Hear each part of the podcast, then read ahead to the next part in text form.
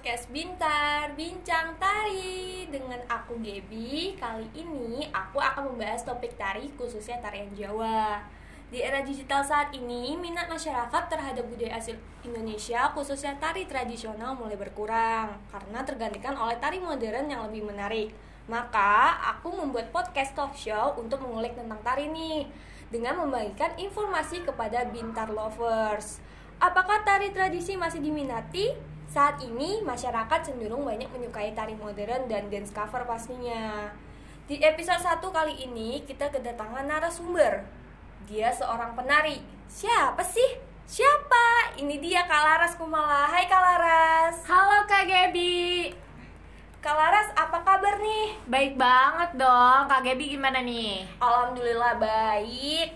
Kesibukan Kak Laras saat ini ngapain aja sih? Kesibukan sih mungkin sama kayak yang lain ya kayak kayak uh, rebahan gitu. Terus kuliah, kuliahnya karena lagi online kan uh, Nyempet-nyempetin buat ngisi waktu uh, buat merintis karir. Wah karir banget. Karir jadi pengusaha saya. Pengusahanya nih pengusaha apa nih Kak? Pengusaha seblak. Waduh, mantep mantep mantep. Seblak, mungkin Kak Gebi mau mampir-mampir ke seblak saya boleh loh. Wah, alamatnya di mana tuh Kak seblaknya? Iya, ke seblaknya di Boyolali tuh di Pengging. Bisa nih teman-teman yang dengerin podcast ini juga bisa nih mampir-mampir kan. Kalau saya dapat gratis gak Kak? Bis bisa dibicarakan itu Maya. Kita bisik-bisik aja nih Kak. Ah, back to topic deh. Sebagai seorang penari nih Kak Laras sudah terjun ke dunia tari sejak umur berapa? Dan boleh dong diceritain. Uh, dulu sih emang suka nari dari kecil ya kayak gitu kan dari kecil tuh udah suka lihat-lihat yang uh, nari-nari gitu. Kebetulan kakak aku kan juga suka nari gitu kan. Sepupu gitu suka nari. Kok jadi kok seru ya gitu kan. Terus uh, mulai dikembangin itu umur 8 tahun. Dulu kelas sekitar kelas 2 atau 3 SD gitu. Mulai ikut lomba-lomba tari lomba-lomba dance yang emang masih dance-dance modern gitu. Karena emang lagi trennya waktu itu kan dance dance modern gitu kan. Mm. Terus sempat berhenti beberapa tahun gitu kan tiga atau empat tahun itu emang bener-bener kayak yang fokus sama sekolah aja gitu. Lagi males lah gitu kan. Karena juga kayak teman-temannya tuh udah uh, udah berlain hat apa berlain hobi gitu kan. Dulu kan kayak dance cuma hobi-hobi aja gitu. iya bener. Terus di umur 15 tahun tuh mulai diseriusin lagi karena mulai ditawarin uh, lomba-lomba lagi gitu. Akhirnya kayak tertarik, oh yaudah deh ikut gitu. Tapi uh, di umur 15 tahun ini lebih spesifik sih, lebih ke tari tradisional, tradisional Jawa sih untungnya. Karena ikut lomba itu jadi ya apa ya gimana uh, bahasanya tuh senang iya seneng jadi yaudah sih kayak udah jadi passion lah gitu kan dan alhamdulillahnya sampai sekarang hmm, gitu terus kalau boleh tahu nih kak hmm, pertama kali itu di sanggar mana tariannya aduh kalau sanggar tuh kan aku nggak ada yang sanggar yang menetap gitu ya kak ya kayak sanggarnya ini dulu sempat ikut jaipong juga cuma ikut-ikutan kayak oh. gitu loh cuma di karena waktu umur 15 tahun itu lomba dan hmm. itu alhamdulillahnya kayak kepilih jadi udah kontrak di kontrak gitu loh kayak di kontrak di emang satu paguyuban ini di duta seni gitu kan. Oh, jadi itu bareng-bareng gitu. gitu ngasah skill nggak cuma tari sih. Cuma emang yang bisa dipertontonkan kan hanya tari sama teater nih. Jadi ya itu sih yang dikembangin. Oh begitu. Nah udah ke mana aja nih Kak Laras? Dan eventnya apa aja? Untuk event sendiri sih banyak ya eventnya. Uh, kalau di daerah gitu atau di dalam negeri biasanya kayak event-event pesta rakyat atau festival-festival yang nyambut-nyambut uh, pejabat kayak gitu hmm. gitu kan. Event-eventnya biasanya dipanggil tuh penari atau siapa uh, untuk ngisi lah gitu kan. Kalau dalam negeri juga pernah jadi salah satu perwakilan Jawa Tengah gitu kan. Wah, perwakilan Jawa nih. Tengah di Nusantara berdendang di hmm. Istana Merdeka. Dulu tuh kan kayak dari 33 provinsi dipilih tuh 10 provinsi terbaik untuk ditampilin di Nusantara berdendang itu. Salah satunya ya Jawa Tengah. Jawa Tengahnya itu ya perwakilannya dari uh, aku sendiri sama teman-teman gitu kan. Terus uh, ada event yang ke luar negeri gitu kan dulu kita pernah di Singapura itu Cingai Parade Cingai Parade Singapura 2017 kalau nggak salah itu di Singapura di sirkuit F1-nya Singapura. Jadi itu kayak festival penyambutan festival terbesar di Singapura itu penyambutan Imlek lah, tahun baru Imlek. Jadi selalu mengadakan itu tiap tahun gitu kan.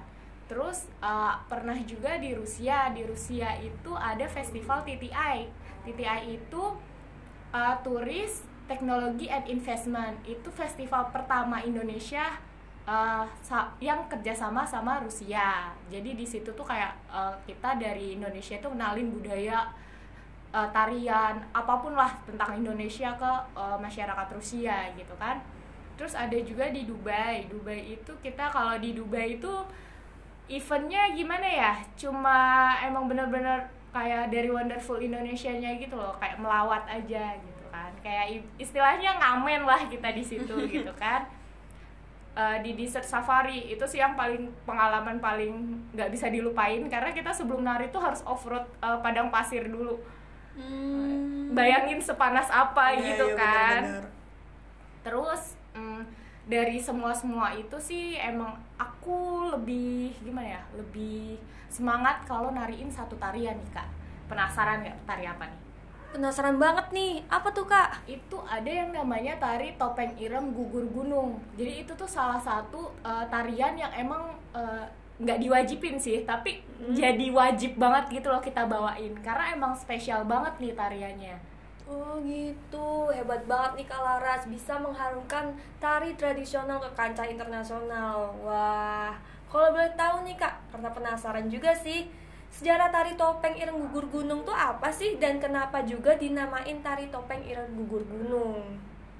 Uh, tari topeng ireng sendiri ini kan emang tari uh, tari rakyat ya yang emang berkembangnya di uh, masyarakat lereng Gunung Merapi sama Merbabu gitu kan. Untuk di Boyolali sendiri uh, tempat di mana aku berlatih tarian Mhm. ini itu emang uh, ada khasnya itu tari topeng ireng gugur gunung.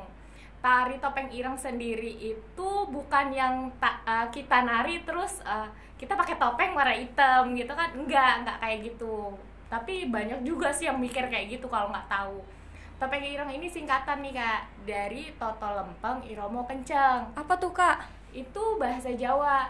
Uh, toto itu kan artinya menata. Lempeng itu artinya lurus. Uh, iromo itu nada. Dan kenceng itu kan keras kayak suara kenceng kan gitu. Jadi uh, di setiap tarian yang kita bawain uh, tari tari koreografer ke koreografi nih ya ampun sampai saking excitednya sampai grogi itu Uh, koreografi dari topeng ireng sendiri itu kebanyakan emang uh, penarinya tuh barisnya tuh lurus atau diagonal kayak membentuk suatu garis gitu loh Hmm. Nah, terus irama kencengnya itu dari instrumennya emang yang uh, dari gamelan.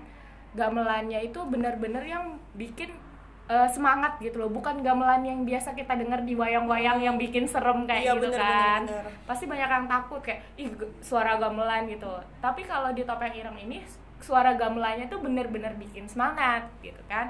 Untuk sejarahnya sendiri dulu tuh kan kayak yang uh, di pemerintahan zaman dijajah lah kita Mm-mm. gitu kan di zaman dijajah itu kayak uh, tari topeng ireng sendiri buat masyarakat tuh kayak yang bener-bener melekat gitu loh. Karena uh, bentuk bentuk gimana sih rasa syukur masyarakat gitu loh.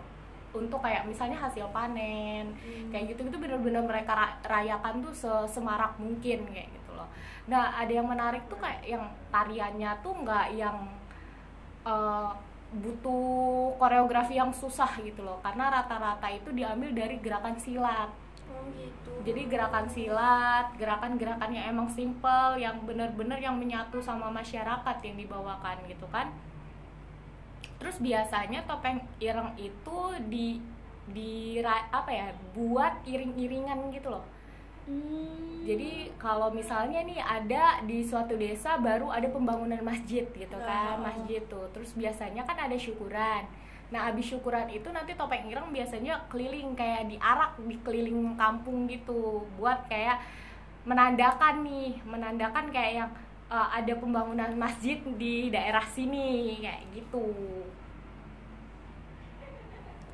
Oh gitu kak, ternyata tari topeng ireng gugur gunung ini sebagai panja apa ya kayak puji syukur gitu ya kak? Iya bener oh, banget. baru tahu juga aku nih tari topeng ireng gugur gunung. Soalnya kan namanya beda gitu ya kak? Iya.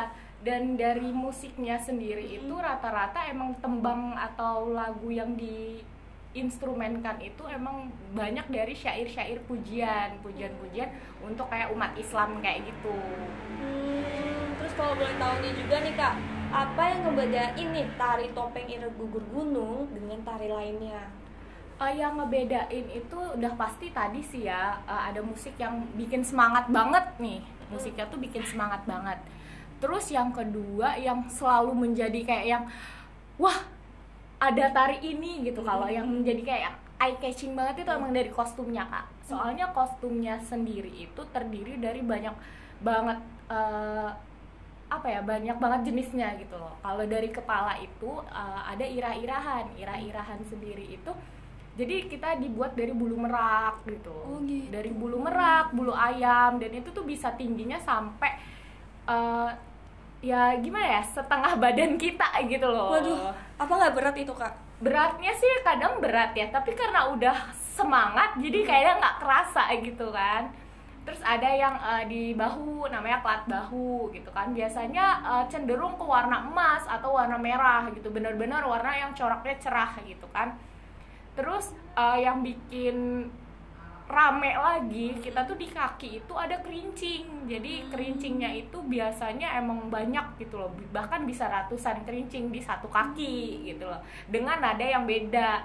Biasanya kayak cering sama cerong gitu loh. Jadi kayak tiap nari itu emang bener-bener yang harus diperhatikan bukan gerakannya. Jadi nada dari kerincingnya. Karena kalau ke, uh, kerincingnya salah aja nih Hmm. itu nanti ngeganggu gamelannya gitu. Oh, jadi kayak bener-bener Hmm. Ciri khasnya tuh di situ gitu loh. Kerincingnya itu emang banyak. Emang ada beberapa tarian yang pakai kerincing kayak jatilan kayak di kalau di reok-reok Ponorogo itu kan biasanya juga kayak yang penari yang bawa kuda itu ada kerincingnya tuh. Tapi cuma satu dua. Satu dua aja pengaruh ke gamelannya tuh banyak gitu loh. Kayak kita pasti denger lah kayak cleaning cleaning gitu loh. Mm-mm. tapi kalau topeng ireng itu bayangin banyak gitu loh. Ratusan ratusan kerincing gimana ramenya gitu kan di situ daya tarik paling besar sih menurut uh, bukan menurut aku aja mungkin menurut semuanya gitu kan Oh gitu kak. Kalau boleh tahu juga nih kak, eh, tari topeng ireng gugur gunung ini ditariin sama berapa orang sih kak? kalau tari topeng ireng sendiri itu jenis tari eh, karena tari rakyat ya tari rakyat itu tari yang emang ditarikan oleh banyak orang gitu bisa sampai 10 bisa sampai 15 orang bahkan 20 orang itu bisa gitu. Biasanya minimal dia nari itu lima orang gitu. Lima orang aja kadang udah rame banget gitu. Apalagi bersepuluh berlima belas kayak gitu Oke deh, sekian episode kali ini. Nantikan episode-episode selanjutnya. Penasaran kan? Di episode 2 ini kita akan membahas tarian Sekar Merapi bareng Kalaras lagi. Yeay! Terima kasih ya Kalaras. Sama-sama, Kak. Bye-bye semua.